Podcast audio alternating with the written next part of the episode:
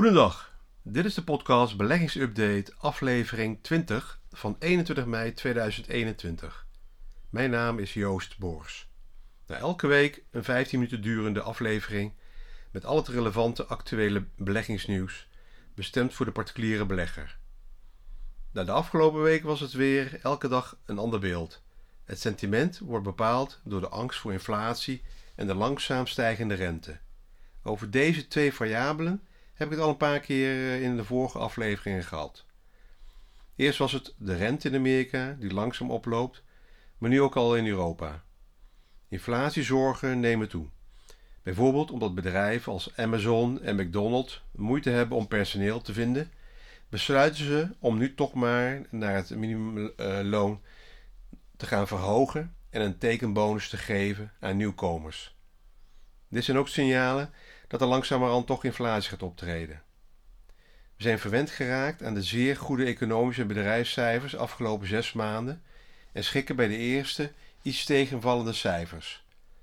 De cijfers zijn wel goed, maar onze verwachtingen en die van de beurzen waren wel iets hoger. Nou, dan valt het dan weer tegen. Ja, zo gaat dat. Het is goed dat er nu een consolidatie en een technische correctie komt. We moeten weer in lijn komen met de realiteit. Ja, woensdag daalden de wereldbeurzen weer, vooral door winstnemingen bij de technologieaandelen en de bewegelijkheid neemt alleen maar toe. Alle risicocategorieën daalden woensdag, zowel aandelen, grondstoffen als eh, cryptocurrencies gingen onderuit. Ja, deze trend, het langzaam verslechteren van de beurs, kan doorgaan uh, tot aan de tweede kwartaalcijfers in de maand juli. Want dan hebben we weer cijfers van het bedrijfsleven waarin we kunnen kijken of de aandelenkoersen uh, redelijk in verhouding liggen met de cijfers die gerapporteerd worden. Ja, crypto-nieuws was wel weer natuurlijk uh, weer heel belangrijk deze week. Eigenlijk is het maar zeggen, die cryptocurrencies, heel veel mensen hebben het niet eens in de portefeuille. Maar als je het in je portefeuille hebt, dan is mag het ook niet meer dan misschien 5% uitmaken als je het beschouwt als een beleggingscategorie. Nou, dus dan heb je 95% verdeeld over andere categorieën en 5% zit dan in uh, deze uh, coins. Maar ja, dat was natuurlijk weer uh, heftig nieuws. Dit kwam omdat er gespeculeerd werd dat Tesla en Elon Musk hun belang in Bitcoin verkocht hadden. Nou, de koers daalde hierdoor met zo'n 15% op één dag. Later werd dit gerucht ontkracht door Musk, maar die onzekerheid is nog niet weggehaald. Dit geeft toch weer aan dat crypto's helemaal niet zo decentrale, transparante munt is. De bewegelijkheid wordt veroorzaakt door maar een paar partijen en daarnaast is een groot deel van deze munt in handen van een kleine groep vermogenden. Want het toch wel raar dat één persoon zo'n hele beweging, een hele volatiliteit kan brengen in zo'n uh, in zo'n munt.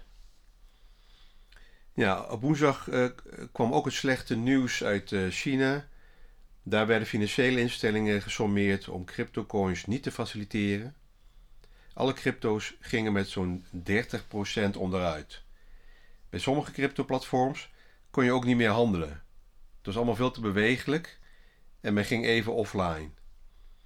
Ben benieuwd uh, wie dit gaat overleven en welk nieuws er de komende weken uitkomt over misschien één in liquidatie verkerende crypto-instelling. Nou, afgelopen vrijdag herhaalde China uh, wederom zijn waarschuwing aan cryptobeleggers. Ja, en dit zorgde voor een verdere verzwakking. We kregen donderdag even weer een herstel in de coins. Maar vrijdag en, uh, kregen we dan weer verder een, uh, een verzwakking. Omdat China toch wel erg rigoureus gaat optreden. Nou ja, inflatie en de, de rentestand. De 10 jaar staatslening in Nederland de, de rente uh, is nu weer in de plus, boven de nulgrens. Uh, dat hebben we de afgelopen twee jaar niet meer gezien. De Amerikaanse centrale bank kwam woensdagavond met de notulen van de afgelopen vergadering. Het bestuur is onderling verdeeld over de verdere stappen die ze moeten ondernemen. En of er al genoeg urgentie is om de geldkraan langzaam dicht te draaien. Dus de centrale bank begint toch wel een beetje onder, onderling te betwijfelen. En dat geeft geen vertrouwen aan de beurzen. Het woord inflatie wordt uh, trouwens vaak opgezocht via Google. Dit wijzen de cijfers uit. Het kan misschien inderdaad zijn dat het een, eh, tijdelijk fenomeen is en het cijfer in het najaar weer daalt. Dat is in ieder geval de verwachting van de centrale banken, ja, maar echter nog niet van de beurs. Nou, we hebben ook wat, lijkt wel de privépagina, het nieuws vanuit het huwelijksfront van Bill Gates. Ja, dat is de onkreukbare oprichter van Microsoft. Na 27 jaar gaat hij scheiden van uh, Melinda. De reden zal te maken hebben met het vreemdgaan en zijn vriendschap met Jeffrey Epstein. Ik heb nog gekeken of dit invloed heeft op de koers van Microsoft, maar dat was minimaal. En Microsoft daalt eigenlijk gewoon in lijn met, met de rest van de technologiemarkt. En nu we weer wat uh, volatielere weken hebben, is het goed om nog maar eens goed de grondbeginselen door te nemen wat betreft beleggen. In elk geval niet beleggen verwarren met handelen. Daghandel is geen lange termijn vermogensopbouw. Je moet gewoon goed gaan kijken waarom wil je beleggen, welk doel heb je voor ogen. Bepaal je looptijd, hoe lang kan je het geld missen met welk bedrag ga je beleggen en kan je periodiek bijstorten? Welke emotie of welke risico-acceptatiegraad past bij jou? Nou, dit zijn allemaal factoren die invloed hebben op de samenstelling van een portefeuille. Dat is eigenlijk de basis van je beleggingsbeslissingen. nou, welke fouten worden dan gemaakt? Nou, zelfoverschatting. Ja, dat heb ik uh, vroeger ook vaak gedaan. Dat je denkt precies te weten waar de beurs heen gaat niemand weet het. De markt verrast je altijd. dan denk je van, nou, uh, maar dat is dan eigenlijk ook geen lange termijn belegging. Als je op korte termijn probeert te kijken welke aankoop of verkoopbeslissing er voor de komende week interessant is. Want er kan s'nachts altijd weer wat nieuws uitkomen wat je net niet verwacht had. Kijk nu maar naar de bitcoins. China s'nachts zegt van we gooien de markt dicht. Ja, dat had je even weer niet zien aankomen. Maar oké, nu een paar regels. Er koopt niet alleen gehypte aandelen. Dus niet uh, achter een bepaald aandeel aan blijven rennen. Hè, wat uh, mensen bijvoorbeeld bij Tesla gedaan hebben. Uh, kopiëren van een influencer of een YouTuber. Die laat zien hoeveel materiële zaken hij verdiend via de beurs. Ja, dat is vaak ook wel fake. Hè? Dus je weet in ieder geval of ze die dingen bezitten. Maar ja, het heeft ook niks te maken met lange termijn vermogensopbouw. Nou, dus via Instagram en TikTok en dat soort social media platforms. daar moet je niet al je beleggingsideeën vandaan halen. We hebben, het hebben van geen plan of doel is vaak een verkeerd begin. En het eh, verkopen bij de eerste daling en dan niet meer durven in te stappen is ook een vaak gemaakte fout. Het beleggen met geleend geld of met een hefboom, het proberen te, te timen van de markt, het eenzijdig beleggen dat komt ook vaak, uh, nog vaak voor. Dus probeer in ieder geval niet uh, de, de, beurs te, te timen. Dat betekent dat je uitgaat van een bepaalde beslissing die jij denkt dat dat op dat moment de juiste beslissing is. De, de markt verslaat je altijd. Dus het is altijd heel moeilijk om op het juiste moment een aan- en verkoopbeslissing te nemen. Nou, eenzijdig beleggen, wat ik zei, dat, dat, dat gebeurt nog steeds vaak. Dus spreiden van je portefeuille, diversificatie. Bij spreiding is dus wel verschillende eh, beleggingscategorieën.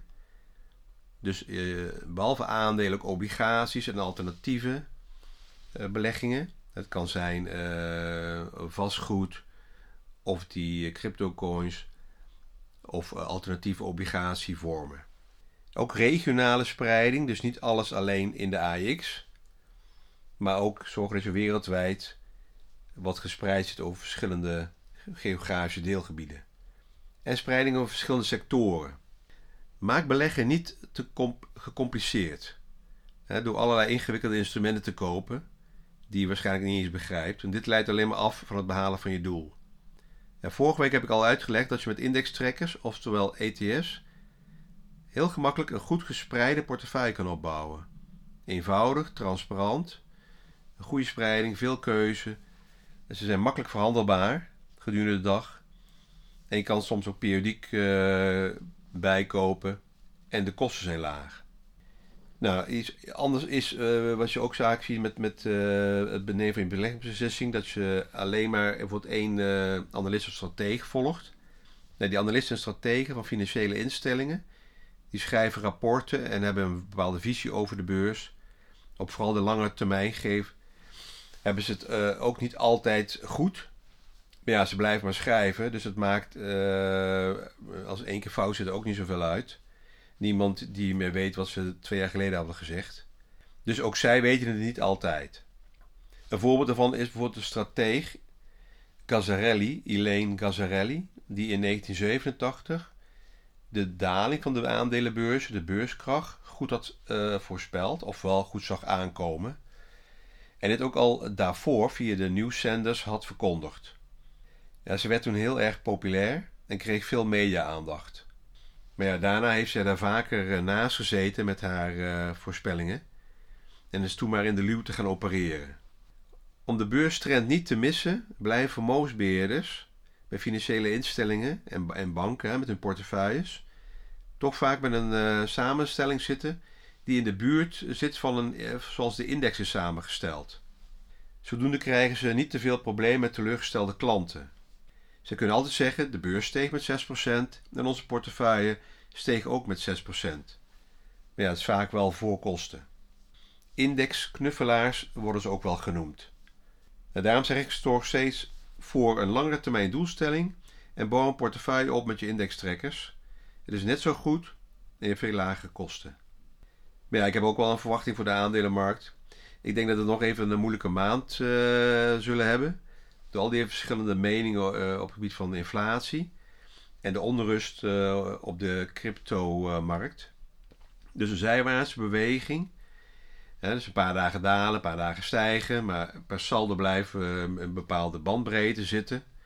Ja, totdat we weer in juli bedrijfscijfers krijgen en uh, nieuwe economische cijfers. En aan de hand daarvan kunnen we kijken waar de aandelenmarkt dan weer op lange termijn heen kan. Nou ja, op Netflix, ik heb het afgelopen week ook bekeken, is er een nieuwe documentaire over geldzaken. Uh, Money Explained heet het. Hij is heel recent, uit 2021. interessant voor iedere doelgroep, maar zeker voor jongvolwassenen. Het is een uh, miniserie, vijf afleveringen van zo'n 20 minuten. Elke aflevering heeft een ander onderwerp. Dat is heel leerzaam, herkenbaar en toepasbaar. Aflevering 1 gaat over het uh, inspelen op het vertrouwen van personen. En hoe via social media men succesverhalen voor gespiegeld krijgt. En gouden kansen, men, gouden kansen beloven. Eigenlijk how to get rich quick. Dus veel gebruik maken van de psychologie en inspelen op dromen en op behoeftes. Als iets te goed is om waar te zijn, nou, dan is het ook vaak zo. Ga nooit in op allerlei snelle aanbiedingen en rendementsgaranties. De andere afleveringen gaan onder andere over de creditcards, de gokverslaving en studieschulden. Bij creditcards krijg je goed uitgelegd hoe je gemanipuleerd wordt door deze financiële instellingen en begrijp je ook waarom aandelen van Visa en Mastercard het zo goed doen op de beurs. Bij gokverslaving zie je ook hoe het online, uh, bijvoorbeeld het online platform Robinhood in de coronatijd miljoenen nieuwe klanten heeft gekregen. Maar Robinhood maakt ook gebruik van trucjes die worden toegepast in casinos in Las Vegas. Men probeert je constant te verleiden tot het doen van transacties. Je krijgt bonusaanbiedingen, bonusaandelen, gratis handelen. De app lijkt op die van een uh, eenarmige bandiet met uh, geluidjes erbij. En ze hebben een community omgeving. We are all investors. Ja, veelal gericht op de jonge belegger. Gratis is het natuurlijk niet het handelen daar. De orders worden geleid naar partijen die voor de orderstroom betalen. Dus hiermee eh, hebben ze inzage op de orderstroom en op basis hiervan hebben deze partijen een voorsprong en kunnen ze ook de beurskoers bepalen. Ja, dit was het weer voor deze week. Dank voor het luisteren.